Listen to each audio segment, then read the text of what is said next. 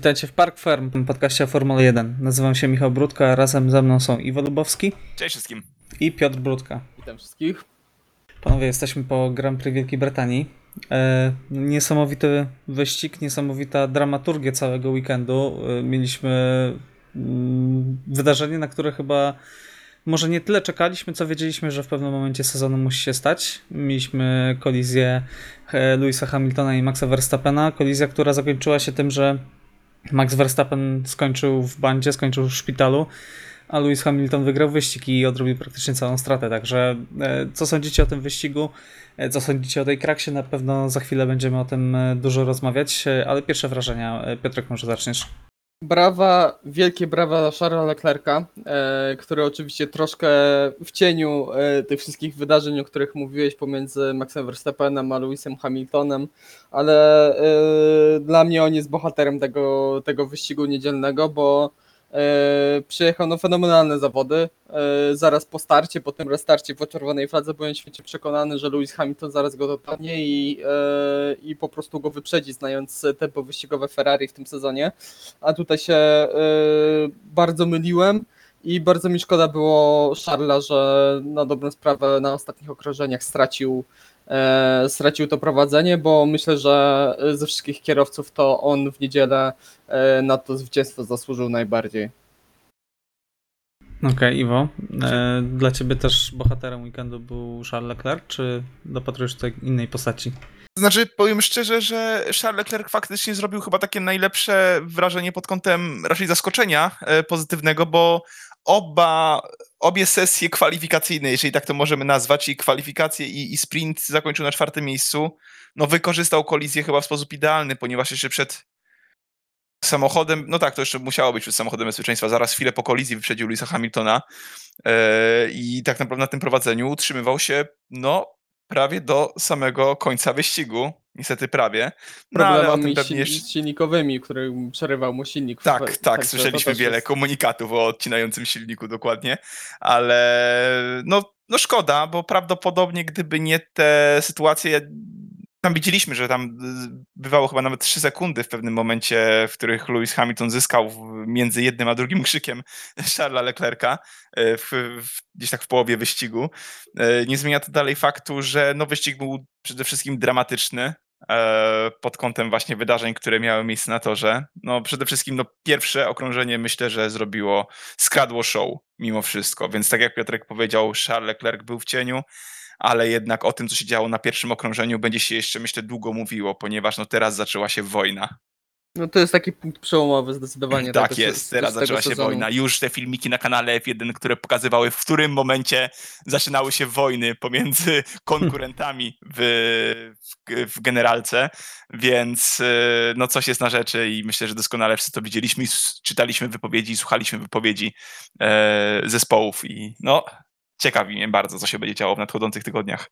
No, atmosfera na pewno jest bardzo podgrzana. E, no, Trudno się dziwić, tak? Red Bull, e, mimo wszystko, jak e, można uznać, że ich wypowiedzi są czasami przesadzone, tak no, trochę można ich rozumieć, bo zbierali przewagę w wyścigach przez pięć wyścigów, e, ciułali, że tak powiem, te punkty, e, zbierali te punkty od Louisa Hamiltona e, i w jednym wyścigu Max Verstappen stracił no, 90% tej przewagi, tak? To tam padły prorocze słowa od Hamiltona, to były słowa Hamiltona czy Toto, bo teraz zgupiałem. E, Hamiltona. że jeden DNF sprawi, że faktycznie znowu się stawka wyrówna. No i, No i dokładnie. no i No i mamy. Myślę, że ja przez ostatnie dwa e, nasze tutaj spotkania mówiłem, że Mercedesowi nie zależy na klasyfikacji generalnej, a ten jeden weekend na Silverstone sprawił, że z tej już naprawdę sporej e, straty e, ta strata Mercedesa do Red Bulla stopniała do zaledwie 4 punktów. no tak, Także bo Pereza tutaj- nie było w tym wyścigu. No dokładnie, także tutaj no jeden gorszy, może nie tyle, gorszy, jeden gorszy weekend Pereza i tutaj wypadek Maxa Verstappena i naprawdę Mercedes znowu jest e, no tuż za Red Bullem. I Okej, drugiej to może zanim przejdziemy do dyskusji na temat tego wypadku, kto był winien waszym zdaniem e, i czy mm, werdykt sędziów był odpowiedni, e, który nadal jest, nie jest oficjalnie zatwierdzony, nadal tutaj Red Bull się odwołuje. Porozmawiajmy o wyścigu sprinterskim, o tym co się działo w sobotę. E, Jak sądzicie, jak wypadła ta próba generalna, że tak powiem, e, tego nowego formatu? E, Czy jest to jakieś rozwiązanie dla Formuły 1, czy, czy jednak wolicie tradycyjny weekend? Iwo, jak, jakie jest twoje zdanie? po tym jednym weekendzie, mimo że fajnie oglądało się, jak kierowcy, można powiedzieć, cisnęli tak. Może nie pod sam limit, ponieważ no, nikt nie chce się rozwalić przed e, właściwą sesją, przed właściwym wyścigiem, prawda? W sesji tak naprawdę kwalifikacyjnej, bo to możemy nazwać właściwą sesją kwalifikacyjną, ale fajnie było widać, jak przez kilkanaście okrążeń nie martwią się o opony, nie martwią się o paliwo, tylko faktycznie cisną. Także to jest bardzo duży plus. E, Natomiast nie wiem, czy jestem do końca przekonany do tego, czy chciałbym faktycznie takie rzeczy oglądać co weekend, bo raz, że nie mógłbym oglądać zapewne normalnych kwalifikacji, bo nie miałbym na to najzwyczajniej w świecie czasu, a jednak one mają w sobie coś, no mają, mają swoją magię. E, Więc jako ciekawostka jak najbardziej w tym momencie jestem na tak, natomiast na pewno nie chciałbym, żeby takie, taka, żeby tych wyścigów było jakoś znacznie, znacznie więcej. Jakby 3 czy 6 na, na sezon, jak dla mnie, byłyby jak najbardziej w porządku. E, a to, co mi się podobało najbardziej w tych kwalifikacjach konkretnie, e, w, tym w tym sprincie kwalifikacyjnym, Fernando Alonso. No tak, to zdecydowanie. Fernando Scarat tutaj show, genialne pierwsze okrążenie, taki Alonso sprzed 10 lat nam się przypomniał, prawda Piotrek? Tak, zdecydowanie. To można znowu powiedzieć, on to ma. Także tutaj naprawdę e, Fernando pokazuje e, swoim naprawdę gigantycznym doświadczeniem, że, że mimo, że trochę tutaj Alpin no nie domaga, e, też e, tutaj zaryzykowali strategią, bo oni założyli miękkie opony, reszta, większość stawki była na e, oponach pośrednich, także tutaj e, brawo za decyzję, brawo za pierwsze okrążenie, naprawdę fantastyczne tej manewry, no i też myślę, że to jest, e, ja jeszcze powiedziawszy, muszę, muszę, muszę zobaczyć jeszcze jeden taki weekend, bo e, na pewno na minus wypadają kwalifikacje te piątkowe, e, bo nie wiem, ja trochę dzi dziwnie mi się to oglądało, jakoś czułem tego takiego... Bo wiemy, że to nie ma takiego celu jak wcześniej, nie? że no to nie tak, tak, że to dokładnie. nie ma. Je- Jeszcze powiedziawszy, nie, tak się zastanawiałem i też z drugiej strony ten wyścig sprinterski, ok, fajnie się oglądało. Było więcej, jeszcze powiedziawszy, akcji niż wydawało mi się, że będzie, ale e, z drugiej strony e, też na dobrą sprawę oglądaliśmy ten wyścig i, i nie czuć było aż tak bardzo tej wagi. E, Przynajmniej ja tak bardzo nie czułem i też tak w trakcie tego e, oglądania sobotniego e, przy, przyszło mi na myśl, że może po, powinni dawać kierowcom za tą sobotę więcej punktów, albo w ogóle, żeby wyścig sprinterski był czymś oddzielnym na podstawie klasyfikacji generalnej. No, no jest to myślę, że temat dosyć otwarty. Jest to ciekawa inicjatywa, nie wypadła na pewno tragicznie jak ostatnia inicjatywa zmiany formatu, czyli eliminacja w trakcie kwalifikacji, z której z, z, włodarze Formuły 1 się wycofali po zaledwie trzech weekendach, jeżeli dobrze pamiętam. E, także tutaj myślę, że i ma to potencjał, tylko myślę, że jeszcze trzeba tutaj trochę do, doszlifować. Znaczy tak, kwalifikacje, jak mówicie, że kwalifikacje nie mają takiej wagi, to no mimo wszystko nie ma wagi drugi trening. Kompletnie, bo Tak. To, to jest, to jest bez sensu. Sesja po prostu na pojeżdżenie sobie i ewentualnie zobaczenie, jak na dłuższych stintach zachowują się opony. Natomiast ja, szczerze powiedziawszy, byłem pozytywnie zaskoczony. Podchodziłem do tego trochę sceptycznie. Natomiast, tak jak mówiliście, mieliśmy sporo walki na torze, mieliśmy też sporo emocji w, w kwalifikacjach. Troszkę się pozmieniało. Widać było, że jeden błąd potrafi naprawdę dużo zmienić. Patrzcie, Sergio Perez. E, I naprawdę mm, może mieć wpływ na, na cały weekend, bo, bo Perez się nie pozbierał na dobrą sprawę do końca niedzieli e, i skończył ten wyścig bez punktów. Natomiast y, no jest to, jest to myślę jakieś rozwiązanie na tory, na pewno nie na wszystkie tory, tak? Y, Bo nie, nie wyobrażam sobie takiego wyścigu w Monako. Y, Jeszcze jedna procesja dodatkowa. Y, Natomiast na takie tory jak Silverstone, takie tory jak Monza, bo to będzie następny weekend wyścigowy ze sprintem. Myślę, że jak najbardziej. Dla mnie trochę za długi był ten sprint mimo wszystko, bo pod koniec już zaczynało się takie dbanie o opony, które znamy z tradycyjnych wyścigów. Takie baku byś zobaczył, co? Z, ostatnie po, po, po czerwonej fladze. No dokładnie. Dwa, wyścigi, dwa, dwa okrążenia, koniec. Nie, nie, ale myślę, że tak nie wiem, około 13 okrążeń, tak żeby jakoś wypośrodkować to, żeby nie trzeba było dbać o opony niezależnie, czy to są miękkie, czy, czy trochę twardsze. Może, może inaczej. Miękkie na granicy, natomiast ta twardsza mieszanka no raczej nie powinna być, powinna być to bardziej bezpieczna, tak? Tak, no też e, powiedziawszy to, s- y, wydaje mi się, że na Moncy możemy trochę inaczej, inny obraz tego wyścigu kwalifikacyjnego zobaczyć, no bo tutaj jednak mamy tor, który, na którym ciężko się wyprzedza, wbrew pozorom. Y, Tutaj trzeba zachować dosyć bliski dystans w tej sekcji Maggots Buckets, e, żeby później na tej dłuższej, prostej mieć e, szansę do, e, do wyprzedzania i tutaj kierowcy też, e, też często to podnoszą, że wbrew pozorom na tym e, obiekcie nie jest tak łatwo wyprzedzać in, innych kierowców, w szczególności jak mamy takie duże znaczenie tego brudnego powietrza. Także wydaje mi się, że tutaj na Monce może mieć to trochę inny obraz, że tutaj jazda za bolidem, jazda w tym tunelu aerodynamicznym da nam więcej akcji. Mam nadzieję, że tak będzie. Na pewno sprint kwalifikacyjny na Monzy będzie zdrowszy, jeżeli tak to mogę nazwać, niż standardowe kwalifikacje, kwalifikacje na tak. Monzy. tak. Poza tym dałbym więcej punktów. E, Dałbym punkty ze starego systemu punktowego, czyli 8 kierowców punktuje. E, Zwycięzca sprintu dostaje 10, e, drugie miejsce 8, później 6, 5, 4, 3, 2, 1. E, Myślę, że to byłby bardziej sprawiedliwy, bo to jednak prze- przejeżdżasz jedną trzecią wyścigu, tak? E, Tak naprawdę możesz sporo zyskać, sporo stracić e, i powinno to być bardziej wynagrodzone, moim Zgadzam zdaniem. się. Tak, Ro- Ross. Brown nawet powiedział, że będą to rozważać, bo przyznał, że chcieli od razu dać więcej tych punktów, ale trochę się obawiali, jak to wyjdzie w, w praktyce i nie chcieli też taką decyzją wypaczyć e, Mistrzostw Świata. Także za takie podejście naprawdę brawa tutaj dla FIA.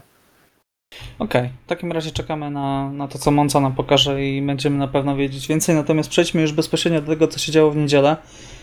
Mieliśmy kraksę na pierwszym okrążeniu, tak jak już wspominaliśmy. Mieliśmy wypadek między Luisem a Maxem. Czyja wina, panowie?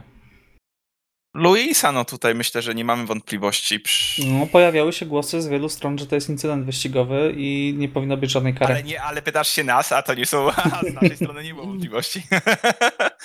Ja szczerze powiedziawszy, jak e, oglądałem jeszcze w trakcie tej czerwonej flagi, jak oglądałem te e, powtórki, e, to szczerze powiedziawszy na początku, no to była taka reakcja w stylu, no kurde, no co, co, co, co tu się wydarzyło, no gdzie on, co on, co Hamilton tutaj nawyczyniał.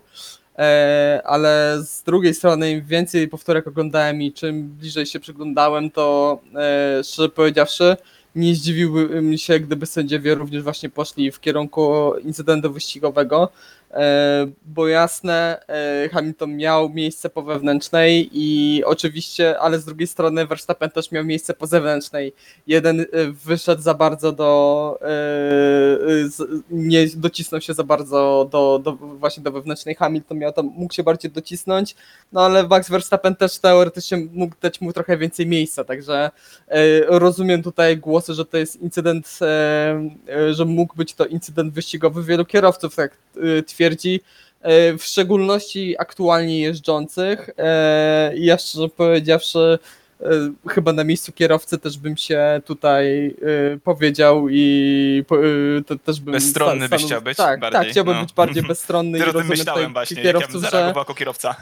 że, bo to jest taka dosyć, wiem, że tutaj zawrzało w, w mediach i ja też początkowo byłem dosyć mocno wzburzony, nawet następnego dnia, ale tak patrząc z perspektywy kierowców, no to to nie był aż taki e, oczywisty incydent i myślę, że tutaj właśnie w szczególności kierowcy wo- wolą zostać tacy ba- bardziej bezstronni w tej sytuacji, ale również się zgadzam z decyzją, że że no to była wina Lewisa Hamiltona, bo wjechał trochę za szybko, trochę e, nie- niewystarczająco się docisnął, bo wiadomo, że e, ten zakręt jest jednym z najszybszych zakrętów w ogóle w kalendarzu. Kierowcy przyjeżdżają go z gazem w podłodze, jeżeli mają czy, czysty tor przed sobą. E, I po prostu, no, jak e, składasz się, jak próbujesz atakować w takim, w takim e, miejscu, no to to musi być nie dość, że bezbłędny manewr, to jeszcze z odpowiedniej y, pozycji i bardzo dobrze zaplanowane. Także tutaj naprawdę trzeba, kierowcy muszą bardzo uważać, jeżeli atakują w takich momentach i tutaj no chyba Lewis Hamilton trochę zbyt pochopnie y, zadziałał.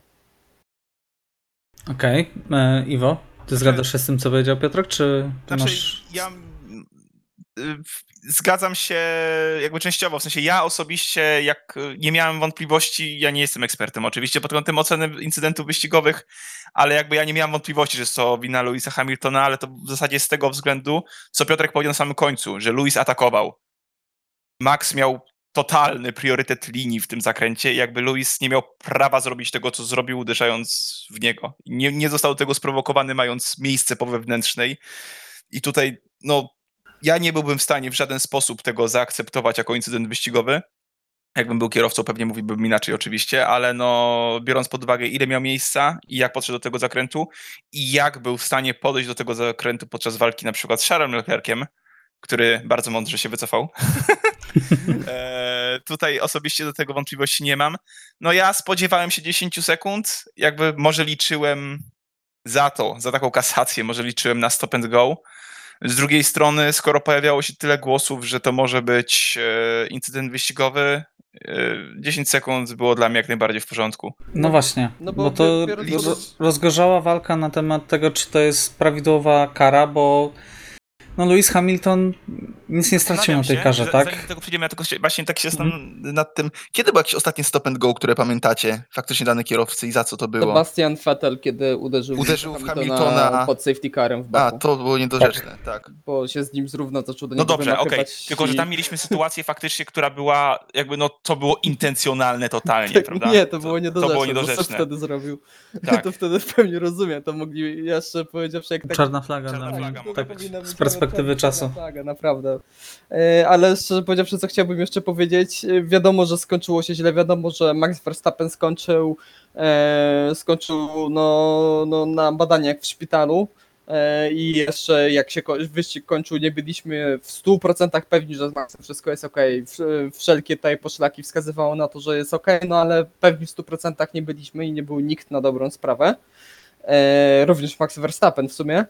E, ale e, też, e, to, to, też nie rozpatrywałbym tego incydentu, że to jest była, nie wiem, taka zwana bandyterka. To nie było, nie wiem, jakieś strasznie e, praktycznie intencjonalne wjechanie w, w Maxa Verstappena. Nie, no myślę, że to tylko taki, nie wiem, zaślepiony fanboy myśli, że to Louis specjalnie wjechał w Maxa, żeby go wyeliminować w tak szybkim zakręcie, robiąc no, no strasznie niebezpieczny manewr, tak?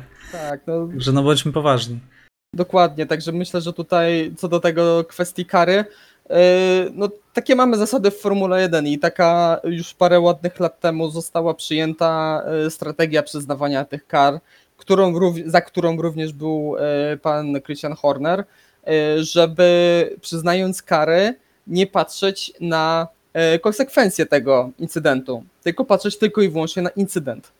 Czyli jeżeli yy, doprowadzasz do kolizji, to yy, i dostajesz za to karę, to nie jest rozpatrywane, czy dany kierowca wypadł i nie jest rozpatrywane, czy jeżeli ty dostaniesz, dajmy na to za ten incydent 5 sekund czy 10 sekund, to czy to bardzo cię zaboli, czy mniej cię to zaboli, yy, tylko przyznawanie tej kary jest powiedzmy takie z automatu, czyli że no, jest takie i takie wykroczenie, to dostajesz 5 sekund.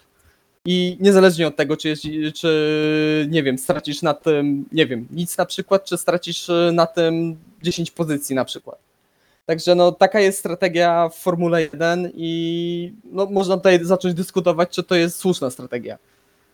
No właśnie, bo ja, ja rozumiem, że są wytyczne i chcielibyśmy, żeby nieważne było, czy zawodnik e, zderza się z zawodnikiem jadąc na 15 pozycji, czy na pierwszej, e, to był traktowany równie, równo, tak? Natomiast no, trudno nie uciec od wrażenia, że Lewis Hamilton no, nie został ukarany w żaden sposób na dobrą sprawę, bo Mercedes był na tyle szybki, że był w stanie te 10 sekund zniwelować kilka okrążeń.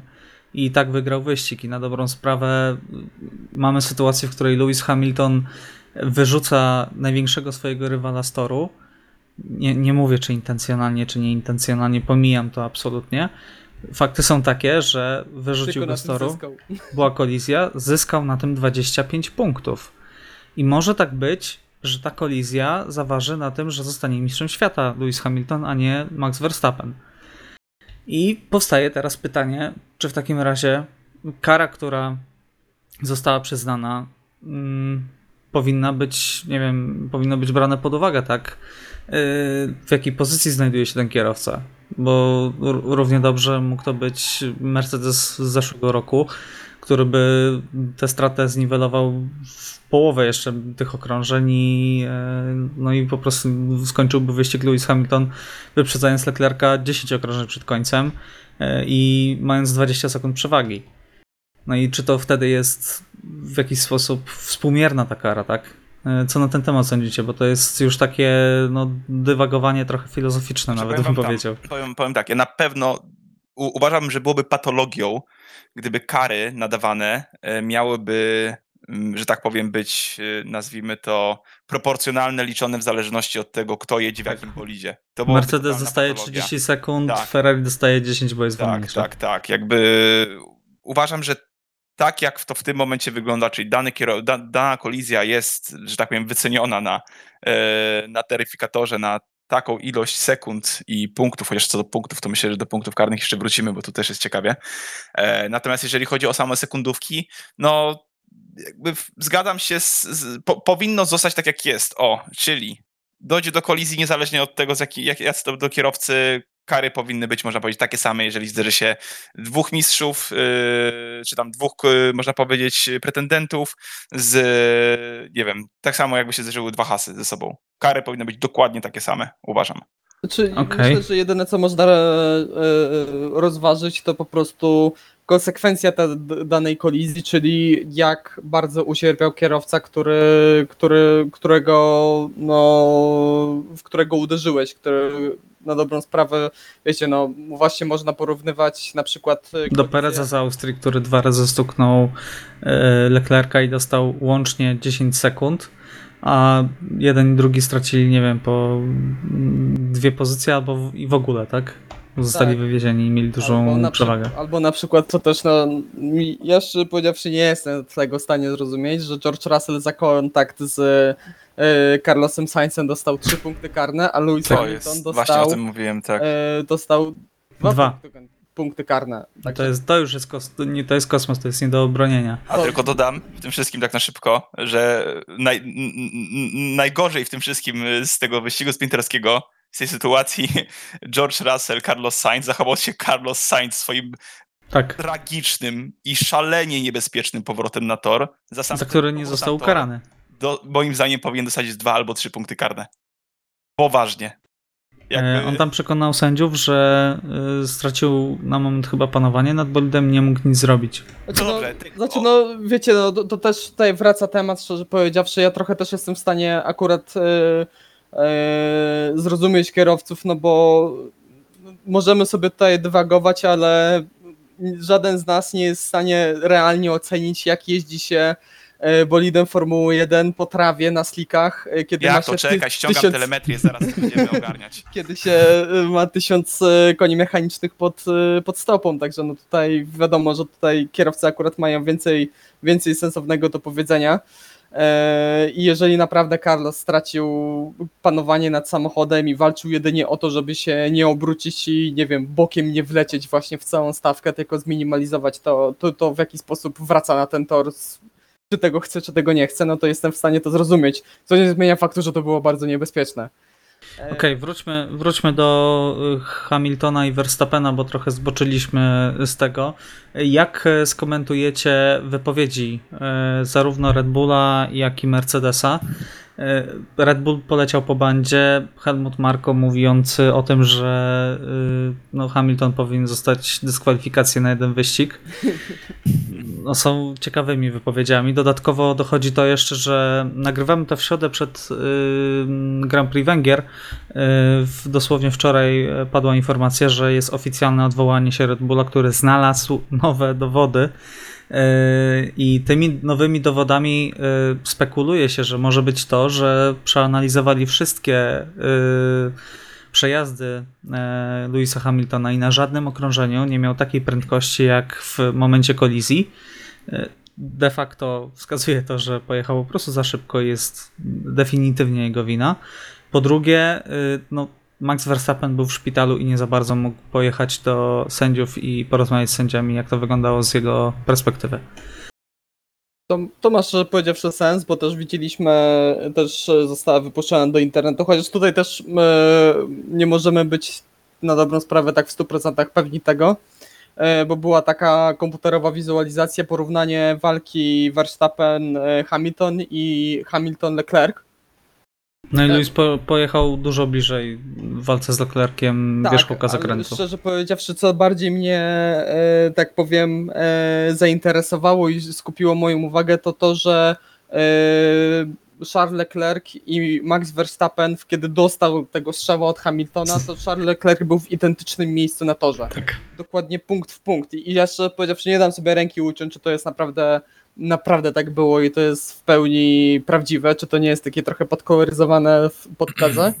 E, ale to wydaje mi się, że tutaj e, Red Bull no, może coś ugrać i szczerze powiedziawszy e, takim, takie odwołanie i ten argument, że właśnie Max Verstappen nie był w stanie się porozmawiać z sędziami na ten temat, a wiadomo, że zazwyczaj w takich decyzjach zarówno jeden, jak i drugi kierowca jest wzywany przez sędziów i jest to z nimi dyskutowane, to myślę, że tutaj akurat może coś ugrać, bo wiadomo, że jeżeli dajmy na to dostały dodatkowe 10 sekund do czasu wyścigu, no to wtedy spada na drugie miejsce i ten wyścig wygrywa Charles A Leclerc. jeżeli dostanie karę przejazdu przez pitlane, to jest chyba 25 sekund, o ile 30. dobrze pamiętam.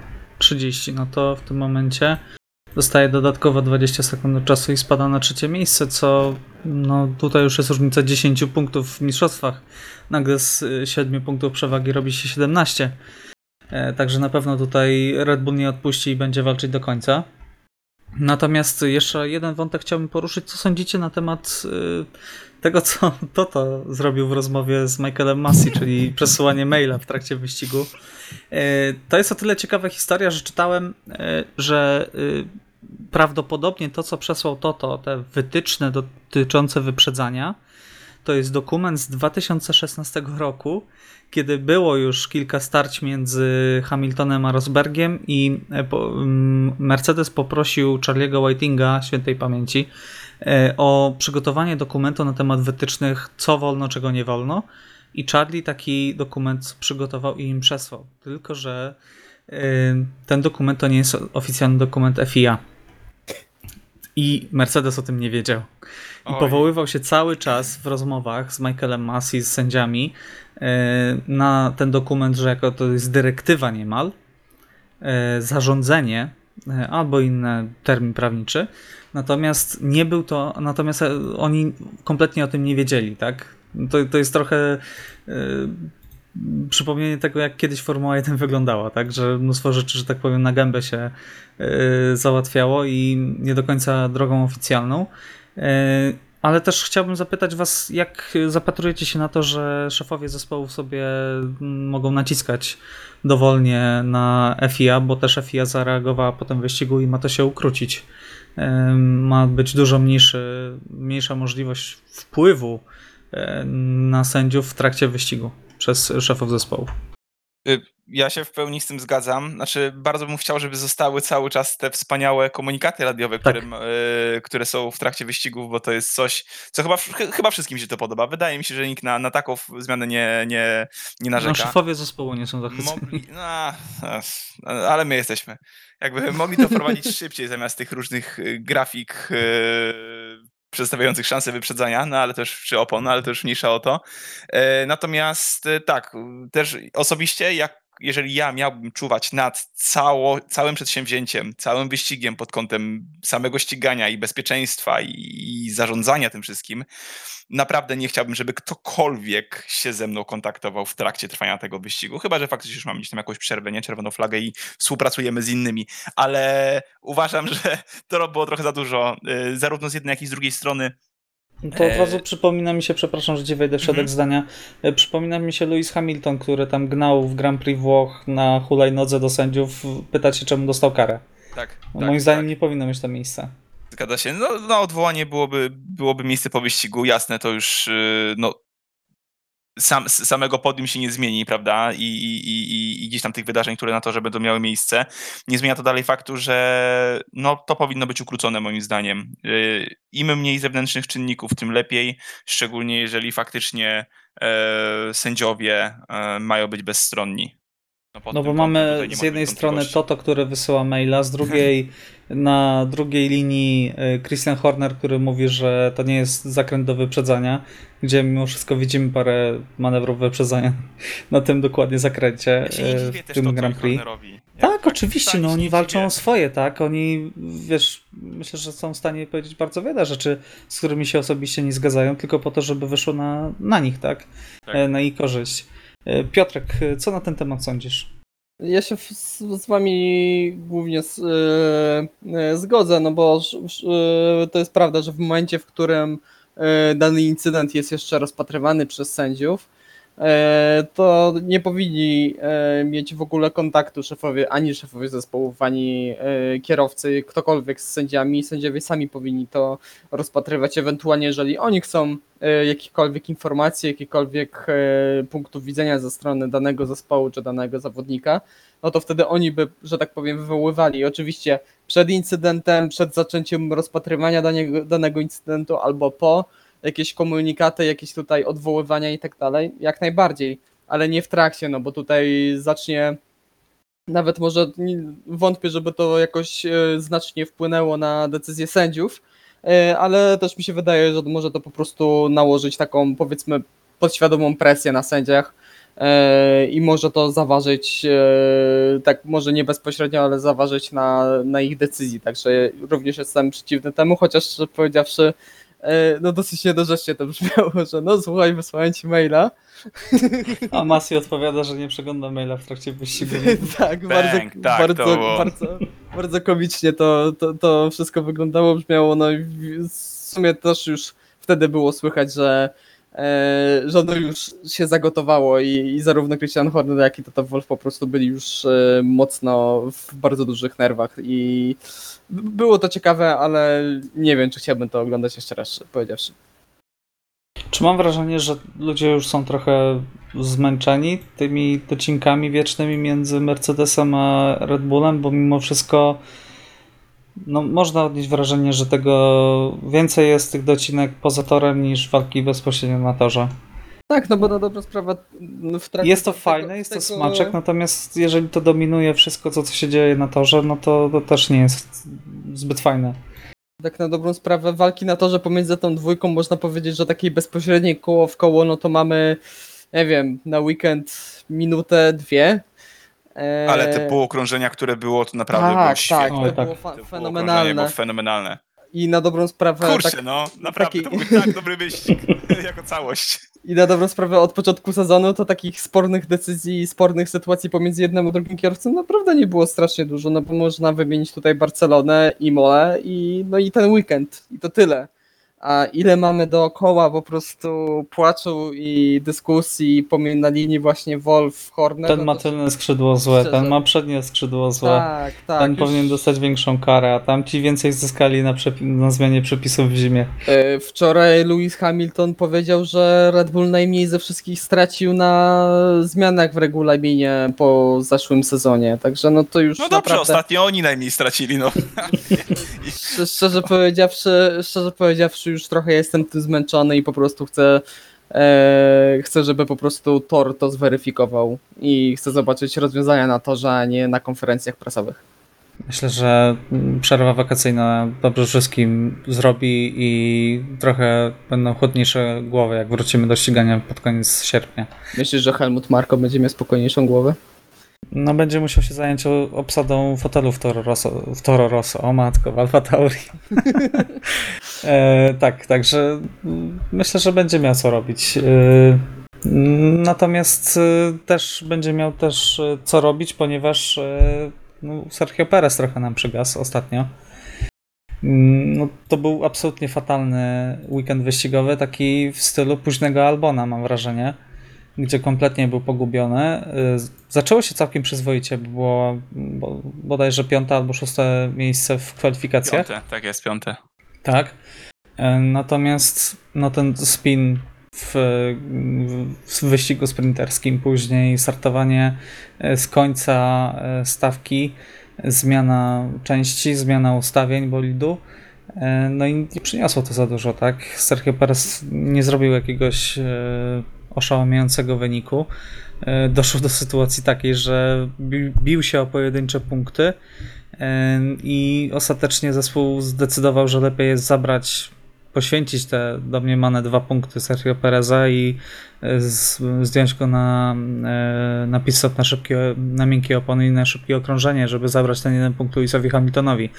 Co też pokazuje, że Red Bull też Piotrek stawia na Maxa Verstappena bardziej niż na mistrzostwo w konstruktorach, bo jednak no, Sergio, o ile, o ile mnie pamięć nie myli, miał szansę na dwa punkty, a tutaj zabrał e, tylko jeden Luisowi. Tak, i nie rozumiem tego. naprawdę, nie rozumiem tego. Jeszcze naprawdę dosyć niedawno w tym sporcie działało to na odwrót. Generalnie w motorsporcie to działało kompletnie na odwrót. I jestem mocno zdziwiony, naprawdę.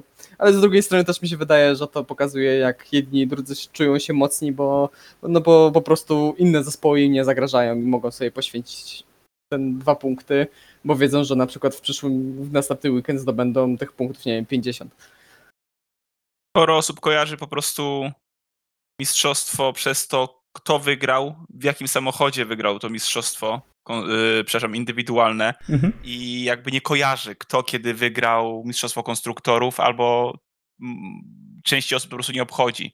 Ktoś tak, z zewnątrz ale... widzi, że wygrał Lewis Hamilton w Mercedesie. I co z tego, że na przykład w tym sezonie mogło wygrać Ferrari konstruktorkę? Nikogo to nie obchodzi. Totalnie nikogo to nie obchodzi poza nami, którzy oglądają ten sport faktycznie z tygodnia na tydzień. No i zespoły, bo. I zespoły, oczywiście. Ile, ile, ile w FIE płaci za mistrzostwo indywidualne? Jasne, Nic, ale. Zero. Pieniądze są tylko w klasyfikacji konstruktorów, także dlatego mnie to dziwi. Tylko i wyłącznie dlatego. Jeżeli to ma sprawić, że Max zostanie w zespole, no to ciężko będzie im znaleźć lepszego kierowcę tak czy inaczej. To prawda. Ale wracając tutaj do tematu Sergio Pereza, no gorszy weekend jeszcze, powiedziawszy, nie, też bym go nie skreślał, no bo to przepraszam, e, nadal jest e, dosyć, e, dosyć wcześnie.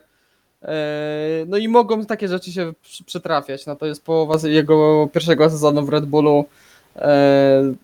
Wiadomo, że mocno zawiódł. Było to bardzo słaby weekend. Zaczęło się właśnie na dobrą sprawę wszystko sypać od tego E, obrotów w sobotę w tym wyścigu kwalifikacyjnym, co nam pokazuje, że właśnie w tym wyścigu kwalifikacyjnym o wiele więcej można stracić niż zyskać. E, no i e, zobaczymy, jak będzie to wyglądało na Hungaroringu. Miejmy nadzieję, że będzie o wiele lepiej, bo wszystko wskazuje na to, że Red Bullowi będzie bardzo dobrze pasował ten tor. I myślę, no tak patrzę na wyniki. Patrzę na wyniki Sergio Pereza na Hungaroringu i biorąc pod uwagę, że jeździł w Force India przez tyle lat, później w Racing Point, e, no to nigdy nie był dobry tor dla tego, dla tego zespołu. E, tylko w zeszłym roku był, było siódme miejsce, a tak to e, raz dziewiąte, a tak to w McLarenie w 2013, a poza tym zero punktów. Więc na pewno nie będzie to łatwy weekend. No, Sergio po tym wygranym wyścigu jeszcze zaliczył świetny występ we Francji, e, ale Austria, e, jeden i drugi wyścig taki mocno przeciętny, tak? Było czwarte miejsce, było szóste miejsce. E, tutaj mamy brak punktów i miejsce szesnaste i w pewnym momencie wyglądało to bardzo fajnie, bardzo sympatycznie, natomiast teraz no, Sergio spadł na piąte miejsce w klasyfikacji za Walteriego Bottasa i za Lando Norrisa. No, jednak myślę, że oczekiwaliśmy troszkę więcej na tym etapie sezonu. E, od Sergio Pereza. Oczywiście to jest 9 punktów, tak? To zaraz może Sergio dojechać na podium, Lando może nie dojechać do mety i zaraz się narracja kompletnie może zmienić. Natomiast e, jak sądzicie, czy Sergio może być spokojny na razie? Bo już powoli zbliżamy się do połowy sezonu, jakby nie patrzeć. Mm, moim zdaniem, tak na chwilę obecną, mimo tego ostatniego wyścigu i e, takiej raczej średniej formy, ale z przebłyskami pozytywnymi, na dzień dzisiejszy, jak miał oceniać, to bym raczej ocenił, że może być spokojny, ale to też z tego raczej powodu, że ciężko znaleźć zamiennika, wydaje mi się, na ten moment. Szczególnie, że mają już kierowcę, który radzi sobie najlepiej spośród wszystkich drugich kierowców, którzy ostatnio w tym zespole byli. E, Więc wydaje mi się, że jeszcze jest za wcześnie na to, żeby myśleli o zmianie. Jakby Okej, ale Bo masz też Piera. Gasly'ego, który zaraz ci wyleci do jakiegoś ale innego zespołu. Gasly by chciał wrócić do Red Bulla. Ja wątpię. Chociaż na 22 rok to może być wszystko inaczej, ale on zna zespół. Jakby zna Marco, zna Podejście do Maxa Wie, że Verstappena. będzie drugi, wie, że niezależnie co się będzie działo, i tak będzie drugi. Zawsze w tym zespole. Jakby każdy przy Maxie będzie drugi. Jakby nic tego nie zmieni. No Pierre. Gasly w Red Bullu nie zdobędzie Mistrzostwa Świata. To, to jest pewne. Dopóki jeździ tam Max Verstappen, a będzie jeździł bardzo długo, to on tam nie zdobędzie Mistrzostwa Świata. Myślę, że jak w przyszłym roku Red Bull nie wypali z bolidem, to Max się szybko zawinie do innego zespołu. No, dopóki tam jest Max Verstappen, no to... Dopóki tam jest Max Verstappen, będzie Max Verstappen. Może być Pełni rok, może być zgadzam. 10 lat. Także Dokładnie, no dokładnie. Także wątpię, żeby Pierre Gasly e, chciał, chciał tam e, celować, a ciężko mi znaleźć drugiego kierowcę, który by pasował na miejsce Sergio Pereza. E, Yuki Tsunoda nie zachwyca.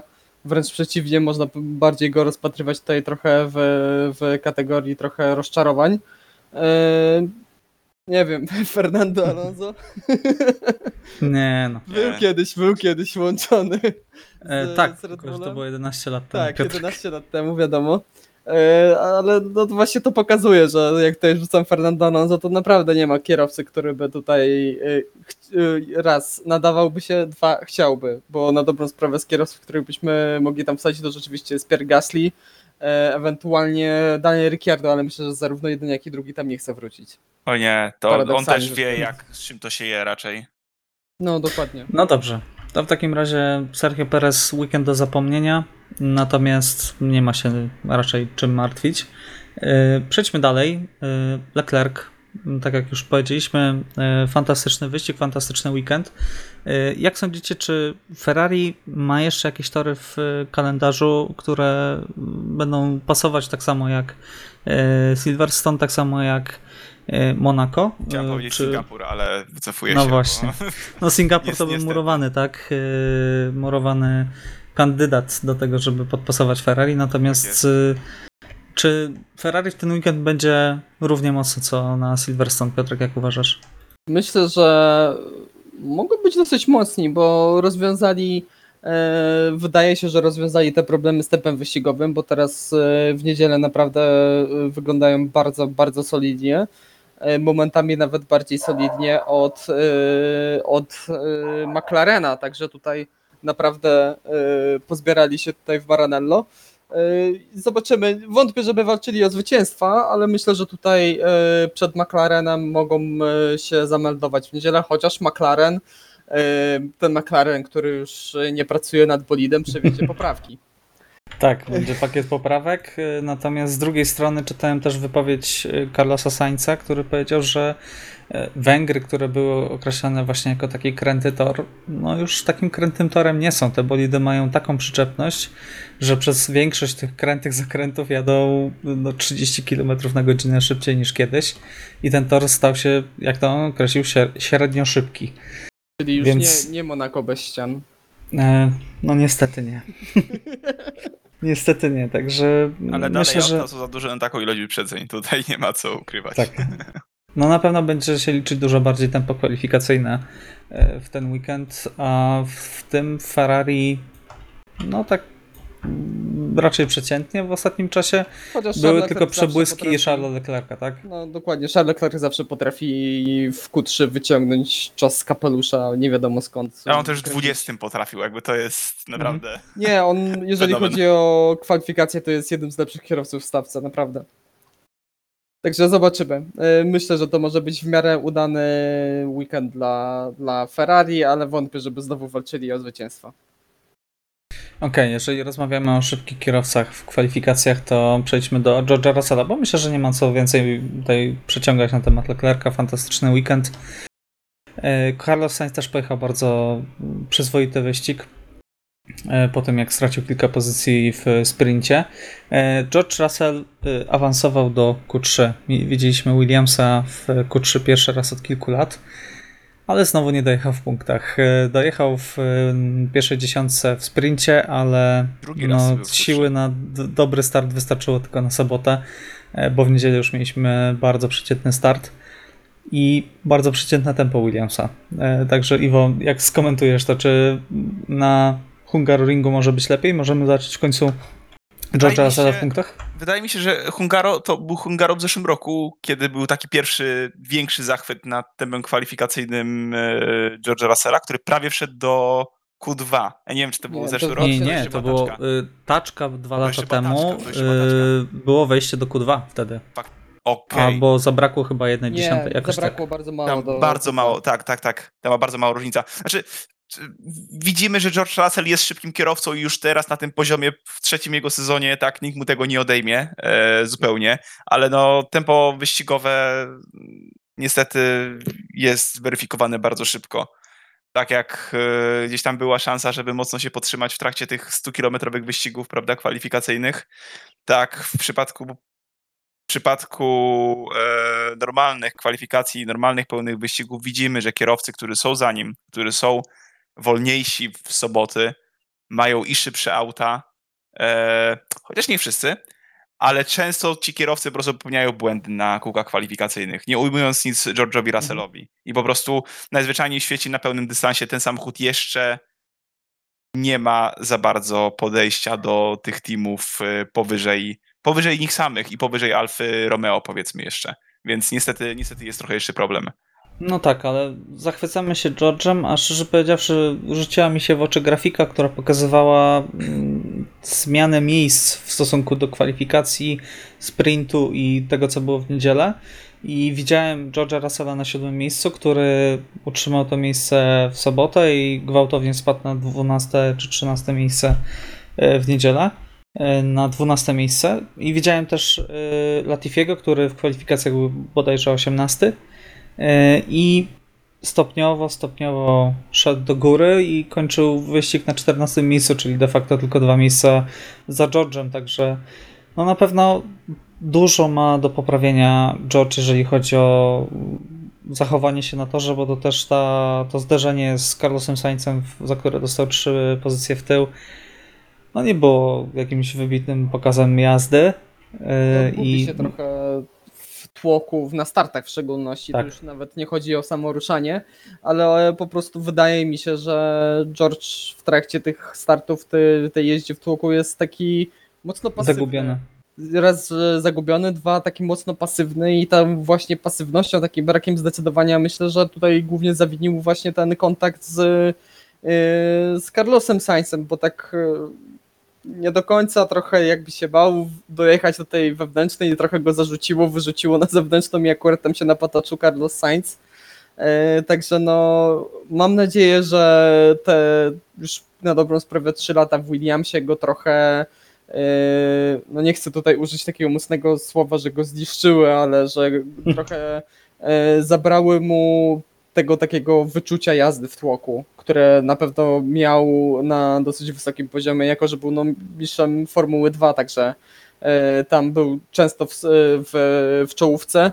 e, Utrzymywał się naprawdę cały czas praktycznie z przodu. Tutaj już od trzech lat praktycznie zamyka tył, a w szczególności sezon 2019, gdzie to było raz na ruski rok walka z Robertem Kubicą, który wiadomo tam też często dobywało tak, że po prostu było mijanie, no bo tam też nie miało, nie miało na celu jakakolwiek walka pomiędzy tą dwójką, także no zobaczymy. Miejmy nadzieję, że jak już George przejdzie do lepszego zespołu, będzie miał lepszy bolid, który się będzie lepiej zachowywał e, i da mu więcej pewności siebie, to zacznie trochę e, pokazywać więcej na tych pierwszych okrążeniach, bo ma tutaj sporo, sporo do poprawy. E, Przepraszamy za e, jakiegoś psa, który no, usilnie szczeka w tle, ale nie jesteśmy niestety w stanie nic z tym zrobić. E, dobrze, to przejdźmy może do kolejnego punktu. E, Iwo, e, czy zobaczyłeś magię Fernanda Alonso w ten weekend? E, tak, tak, naprawdę muszę, znaczy powiem tak, ja to już widzę od paru wyścigów, ponieważ my o tym rozmawialiśmy chyba nawet y, przy okazji poprzedniego podcastu, że zaczyna odwracać się tendencja E, W momencie, kiedy Esteban Ocon już podpisał kontrakt, to w tym momencie Fernando Alonso zaczyna faktycznie wychodzić na prowadzenie. E, Skończył Fernando siódmy, dokładnie. Tak, skończył Fernando skończył Alonso siódmy. na siódmym miejscu e, swoim sporawym bolidem. E, Zaraz za, no może nie zaraz za, bo te ile? 20-30 około sekund za Carlosem Sainzem. Natomiast prowadził cały korowód aut z Astona Martina, kolejnego Alpina, Alfa Tauri, Alfa Tauri. No dobry występ, naprawdę dobry występ. E, I to nie jednorazowy, ponieważ mieliśmy i świetny sprint, i świetny wyścig. Tak jak personalnie, chociaż personalnie Fernando Alonso w tym sezonie wydaje się, tego co my możemy zaobserwować jako widzowie, taki jakiś bardziej ułożony. Ciekawy jestem bardzo, co się dzieje w środku w zespole. E, Natomiast, e, natomiast e, wiem już, na czym polega jego fenomen. I widać, że nie zastarzał się tak bardzo. Bo w 18 roku w tej taczce McLarenie to tak raczej było różnie. No on powiedział, że czuje się jakby miał 25 lat, a w ten weekend kończy 40, także zdecydowanie Super. Fernando jest, jest w formie. Y, Jak jeszcze na początku roku mieliśmy pewne znaki zapytania, tak teraz myślę, że tych znaków zapytania nie ma. Y, Czekam tylko na lepszy bolid w przyszłym roku, y, bo naprawdę chciałbym zobaczyć Alpin na bardzo wysokim miejscu i Fernando Alonso, który ustawia tam Maxa Verstappena i Louisa Hamiltona. To byłby niesamowity widok. Oj tak, szczególnie, że zeszłoroczne Renault faktycznie nie mogło może konkurować z czołówką, ale no wydawało się mocniejsze w- na pewno w porównaniu do tegorocznego Alpina. No na pewno było szczuplejsze. Na pewno. Ten słynny tysiąckonny silnik, nie? Najmocniejszy Tak. silnik na gridzie. No gdzieś się Dobrze. musi zmieścić. Mm, tak. Dobrze, to w takim razie, czy chcielibyście się wy- wypowiedzieć jeszcze na temat jakiegoś kierowcy, na temat jakiegoś wydarzenia e, z tego weekendu, e, ponieważ będziemy już powoli zamykać e, dyskusję. Lando Norris ponownie w punktach. Po raz 15 z 15 z rzędu, tak. 15 z Najlepsza rzędu. seria w tym momencie na gridzie, najlepsza seria w historii McLarena. e, wszystkich kierowców McLarena. Kimi Raikkonen, który miałby pewnie dużo lepszą serię, tylko że wtedy silnik mu się psuł w co drugim wyścigu. No. Wspomina e, nie najlepiej te czasy. Dobrze. Alfa znowu bez punktów. E, Yuki Tsunoda z jednym punktem. Myślę, że to też można taki malutki plusik zapisać. E, No i spinujący się Sebastian Vettel, który pokazał, że no Seb z Ferrari wyjdzie, ale Ferrari z Seba raczej, raczej nie. Ja jeszcze chciałbym jeszcze wrócić do Kimiego Raikkonena, bo nie wiem, Tak. czy słyszeliście tę komunikację radiową zaraz po tym obrocie, po kontakcie A to nie. z Sergio Perezem. E, No inżynier do Kimiego powiedział, że szkoda, że szkoda, że był ten obrót, bo bez niego mogliby skończyć w punktach. E, Na co Kimi mu odwarknął, że powinniśmy się wziąć do, do roboty, bo mamy takie tempo, że nie ma co, że- nie mamy jak szukać tych punktów. Mniej więcej coś w tym stylu. E, No, trudno że- nie uciec Że ten, I że ten bolid, e, że ten bolidem ciężko się w ogóle jeździ. Także Trudno nie uciec od wrażenia, że tutaj w tym ten związek powoli raczej zmierza ku końcowi. Tak, E, że też jed- coś jedni się wypala. Są, są zmęczeni troszkę już sobą. Tak. Że Kimi fajny, Kimi sympatyczny, Kimi super, ale no coś tutaj już zaczyna nie grać i zaczynają się oskarżenia. Kimi też popełnia sporo błędów, bo narzekaliśmy po Austrii tej no, nie do wyjaśnienia kraksie z y, Sebastianem Vettelem. Tutaj mieliśmy też no, dziwny strasznie y, kontakt z Sergio Perezem, gdzie na dobrą sprawę no nie mógł z nim rywalizować, nie oszukujmy się, tak? Po co było ryzykować w taki sposób? E, Mógł spokojnie dojechać, tak jak inżynier powiedział, dojechać w punktach, ale no Kimi przeszarżował po raz kolejny. Więc mam, mam wrażenie, że akcje Kimiego Raikkonena na Formule 1 nigdy nie stały tak nisko jak teraz. No, mi się wydaje, że to już jest trochę. E, musimy się przygotowywać na pożegnanie Fina z Formuły 1. Mimo No wszystko dobrze. szkoda. Tak, szkoda, oczywiście. E, Kto pamięta Kimiego sprzed kilku lat jeszcze, sprzed 10 lat już nawet nie mówię, e, to no, przykro się patrzy na, na kie- kierowcę, który kiedyś no, błyszczał w, we wszelkich walkach. No, po, widzieć jak popełnia takie szkolne błędy, no nie jest to zbyt sympatyczny widok. E, Dobrze, to chyba, chyba zamykamy e, dyskusję na temat e, Grand Prix Wielkiej Brytanii. Zobaczymy, co wymyślą sędziowie w sprawie Louisa Hamiltona, bo może mieć to ogromny wpływ na to, jak będzie wyglądała dynamika nie tylko w ten weekend, ale do, reszt- do końca sezonu. Natomiast pojawiła się jeszcze ciekawa bardzo plotka. Pierre Gasly może trafić do McLarena w zamian za Daniela Ricciardo, który bardzo mocno rozczarowuje. E, Co sądzicie o, o tym, bo to jest kolejny odcinek Silly Season? A zapomniałem Mówiliśmy- powiedzieć o dobrym występie Tak. Daniela Ricciardo w ten weekend. Okej, to tak w temacie. Tak w temacie. E, Co sądzicie o tym? Bo, bo Daniel ma przebłyski, ale Daniel ma też yy, no, kiepskie kwalifikacje cały czas, kiepskie tempo e, w piątek bądź w sobotę, w zależności od formatu. E, A Pierre Gasly no, ciśnie, tak? Jedzie, no nie ukrywajmy, dużo gorszym bolidem e, niż Australijczyk, a traci dla niego 11 punktów w klasyfikacji, co nie jest wcale tak dużą liczbą. E, Czy, czy wyobrażacie sobie Gasly'ego w McLarenie? Znaczy wątpię, żeby tutaj zrezygnowali z Daniela Ricciardo, no bo nawet e, biorąc pod uwagę ten weekend, już kwalifikacje wyglądały bardzo dobrze, bo zabrakło zaledwie dwóch e, tysięcznych Danielowi Ricciardo, Mhm. żeby wyprzedzić Lando Norrisa. Zarówno w sobotę e, w tym wyścigu sprinterskim, jak i w niedzielę tempo było naprawdę bardzo dobre. Dojechał za Lando Norrisem, oczywiście Lando jest w niesamowitym gazie teraz i ma po prostu tempo, tempo, tempo znacznie lepsze, ale wydaje mi się, że tutaj e, będzie już powoli e, zmierzać ku, zmierzać ku końcowi te problemy Daniela Ricciardo. Zobaczymy, jak to będzie wyglądało na Hungaroringu, ale wątpię, żeby McLaren e, po- postawił na aż taki ruch, szczerze powiedziawszy. E, Chociaż z drugiej strony zobaczymy też e, ciekawe, ile ma e, wpisane, jak, jak wyglądają te, e, te kontrakty, no bo wiadomo, że Daniel Ricciardo, jeżeli dobrze pamiętam, to na dwa lata ma kontrakt z McLarenem, tak? Tak. No to ciekawie, ile by kosztowało McLarena zerwanie tego kontraktu z Danielem Ricciardo. Czy wiesz, może to być 1 plus 1. To też jest bardzo popularna forma za zawierania kontraktu. Jeżeli 1 plus 1, to wydaje mi się, że zatrudnienie da- y, Pi- Pierre'a Gasly'ego to na pewno byłoby mocne y, tutaj zluzowanie, jeżeli chodzi o budżet McLarena. Y, No ale zobaczymy. Wątpię, jeszcze powiedziawszy w ten ruch akurat y, wątpię. Ja podobnie. Ciężko mi sobie wyobrazić, szczególnie, że Daniel Ricciardo w dal- dalszym ciągu jest kierowcą, który ma gigantyczny potencjał i wydaje mi się, że McLaren bardzo mocno chciał się z nim związać i nie odpuściłby tak szybko. Jakby ciężko mi jest w to uwierzyć, e, aczkolwiek owszem, tak, tak czysto teoretycznie widziałbym Gasly'ego w McLarenie, widząc jakby jaki zespół chce McLaren zbudować, prawda, z, z kierowców bardzo szybkich przede wszystkim i Gasly udowadnia, że jest kierowcą w tym momencie bardzo szybkim, jest w gazie, e, tak jak Michał powiedział. E, kolejny sezon z rzędu. Owszem, w tym ma trochę więcej pecha, natomiast e, dalej e, jest w stanie sam siebie obronić e, przed, przed e, można powiedzieć, nami, widzami. I tylko też widzieliśmy, jak Gasly sobie radził w zespole, prawda, lepszym.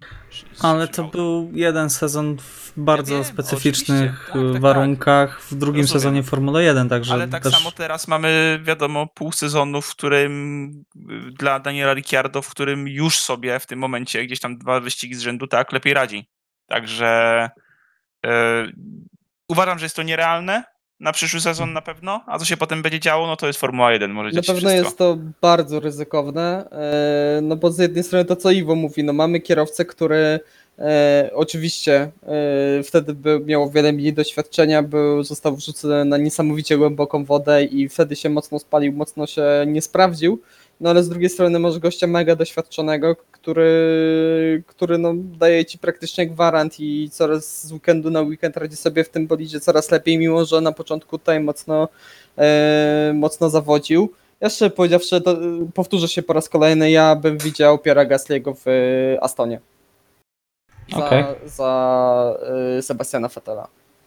I myślę, że to byłby bardzo dobry kierunek dla Pierre'a Gasly'ego, biorąc pod uwagę, jak Aston się zbroi. A zbroi się konkretnie. Tak, dokładnie. Już o tym mówiliśmy ostatnio, ale Tak. zbroi się naprawdę potężnie. Dobrze, to mam jeszcze jedno pytanie do Was, e, bo w sumie troszeczkę je pominąłem, a chciałbym, żebyśmy poruszyli te kwestie. Jak sądzicie, e, czy w sytuacji, w której k- bolid jest zniszczony przez kolizję, nie jest winy zespołu, czy powinny te koszty naprawy być wyłączone z tego drakońskiego według zespołów e, budżetu na e, dany rok? Tak. bo Red Bull y, bardzo narzeka, że y, prawie 2 miliony y, dolarów, o ile dobrze pamiętam, albo euro, y, 1,8 dokładnie, będzie kosztować naprawa bolidu Maxa Verstappena i jest to całkiem spory problem. Bo moim zdaniem Red Bull nic tutaj nie zawinił i czemu ma podwójnie cierpieć, nie tylko na w danym wyścigu, na to, że nie dojechali tak do mety, ale też na tym, że będą musieli na przykład uciąć gdzieś jakiś rozwój danej części, tak dajmy na to, yy, bo no bo nie z ich winy bolid został roztrzaskany i nie dojechali do mety. Co na ten temat sądzicie? I ja uważam, że definitywnie takie koszty, szczególnie, że nie, po, nie jest to z winy zespołu, powinny, nie powinny schodzić z puli budżetu dostępnego dla zespołu, ponieważ to tak samo może doprowadzić, e, tak samo jak e, to może doprowadzić do kolejnej patologicznej sytuacji, w której dochodziłoby do strasznie abstrakcyjnych rzeczy na torze, w których zespoły specjalnie by się kasowały, wiedząc, że drugi zespół nie będzie mógł się rozwijać przed danym wydarzeniem. Nie. O, już, Jakby- już mieliśmy kasowanie no, jestem, jestem, przekonany, jest, jestem przekonany, że e, w którymś momencie kalendarza, w którymś roku mogłoby coś takiego wyjść. Ja myślę, że prędzej, wybaczę ci przerwę i w Mhm. tym momencie, ale prędzej bardziej prawdopodobne mi się wydaje, że y, mogłoby dojść do również patologicznej sytuacji, że zespół nie byłby w stanie wystawić samochodu na, właśnie, wiem, na tak. ostatni wyścig, bo no bo przekroczyłby ten e, ograniczony budżet, no i nie może, mimo że ma pie, pieniądze, miałby przygotowane na to pieniądze, no to nie może naprawić samochodu. Tak. To, to jest dla mnie tu- głupie i szczerze powiedziawszy, ja generalnie naprawę części, naprawę bolidu, te, które uległy uszkodzeniu, czy tam w trakcie wyścigów, treningów i tak dalej, w ogóle bym wyłączył spoza tej puli. e, Zwłaszcza, że jakoś opłacanie kierowców jest wyłączone spoza tej puli. No dokładnie, jest wyłączone z tej puli. Jasne, jeżeli e, nie chcemy, żeby na przykład e, ch- chcieli na przykład, żeby w ten sposób, żeby zespoły Formuły 1, nie wiem, jakoś trochę nie szły w jakieś abstrakcyjne materiały, abstrakcyjne, drogie materiały do wytwarzania swoich samochodów, e, no to po prostu, jeżeli chcemy to ograniczyć, no to jeszcze bardziej ograniczmy ten budżet, ale po prostu no niech to naprawianie auta będzie spoza, e, spoza, Mhm. te, spoza tej puli, bo też może przyjść do tego, że pod koniec sezonu będziemy oglądali procesję, bo zespoły będą krzyczały nie atakuj, lepiej zostaw, poradzimy sobie bez tych punktów, ale jak coś się nie daj Boże stanie, obrócisz się, albo on się obróci, albo cię wywali z toru, no to będziemy w gigantycznych pro- problemach. No Jestem ciekaw, czy ta kwestia zostanie podniesiona, bo jest to mm, ten limit budżetowy jest pierwszy rok i na pewno jakieś zmiany w tym mogą być wprowadzone. Yy, Natomiast yy, myślę, że możemy tutaj postawić kropkę i przejść do zapowiedzi Grand Prix Węgier. Yy, Mamy Monaco bez ścian, musiałem to użyć Piotrek w tym momencie, jak już wywołałeś do tablicy. Czego się spodziewacie w ten weekend? Jakie są wasze typowania? Ponieważ jeżeli chodzi o typowania Wielkiej Brytanii, ja trafiłem zwycięzcę kwalifikacji, Iwo trafił zwycięzcę kwalifikacji wyścigu sprinterskiego, natomiast Piotrek trafił e, zwycięzcę wyścigu sprinterskiego. Dzięki. Więc e, obecnie tak obecnie klasyfikacja wygląda następująco. Iwo ma punktów 10, ja punktów 8, Piotrek punktów 7. Spokojnie, jeszcze, jeszcze przerwy wakacyjnej nie ma, także jeszcze cię dogonimy. E, Czego się spodziewać po e, nadchodzącym weekendzie? Ma być gorąco w sobotę i być może burzliwie w niedzielę. To Ja jest na interesujące, pewno- nawet nie patrzyłem na prognozy.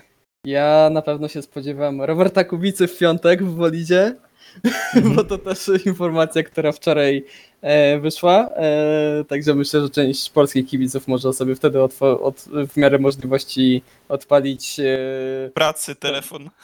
no w pracy telefon, drugi monitor, wiadomo, różnie sobie różni radzą. E, ale co do samego weekendu, myślę, że tutaj e, znowu postawię na Red Bulla. Wydaje mi się, że w sobotę wygra e, Max Verstappen, w niedzielę również wygra Max Verstappen. Nie będzie tutaj, nie wydaje mi się, żeby tutaj była jakaś mocna walka pomiędzy tą dwójką. I kierowcą dnia stawiam na Charlesa Leclerca. Ponownie. Mam nadzieję, mam, nadzieję, mam nadzieję, że w niedzielę będzie deszcz. Że te prognozy pogody się sprawdzą i będzie burza, będzie, zaczniemy na sucho, w trakcie po 5-10 okrążeniach zacznie gwałtownie padać, e, po czym przestanie i zacznie wszystko. Właśnie nam zapewnili słoneczną niedzielę. Dzięki Piotrek. No właśnie. No i tak by była, i tak by była, no ludzie. To nie jest moja wina. Raz się sprawdziły moje przewidywania pogodowe, także Okej, Iwo, jak ty stawiasz? E, Ja stawiam, jeżeli, e, jeżeli chodzi o kwalifikacje, stawiałbym na Maxa Verstappena w wyścigu, na Maxa Verstappena, a jeżeli chodzi o kierowcę dnia, to na Daniela Ricciardo. E, A co do samego wyścigu, strasznie lubię tę nitkę jeżeli chodzi o ściganie, ja się jednak spodziewam walki, ponieważ tutaj są rachunki, które trzeba wyrównać i mam nadzieję, że nie obędzie się bez jakiejś walki koło w koło, tylko mam nadzieję w granicach oczywiście toru i w granicach e, nierozwalenia się o bandy. Mhm. no przy okazji też trzeba zaznaczyć, że to jest tor Louisa Hamiltona. On na tym torze Tak. jest po prostu genialny. I chyba nie ma drugiego kierowcy, który by jeździłby po tym torze tak fantastycznie jak on. Także zobaczymy. No dobrze, ja przewiduję, że mm, kwalifikacjach najlepszy będzie Max Verstappen, y, w deszczowym wyścigu Lewis Hamilton, natomiast kierowcą nie zostanie Charles Leclerc. Czyli będzie deszcz. A mogę zmienić? Nie. Mm, Bo chciałbym e, kwalifikację Nie, nie, zmienić nie, na nie. Louisa Hamiltona. Jednak. A, dobra. No dobrze, dopuszczę w takim razie. w, tę, w tę stronę W tak. drodze wyjątku.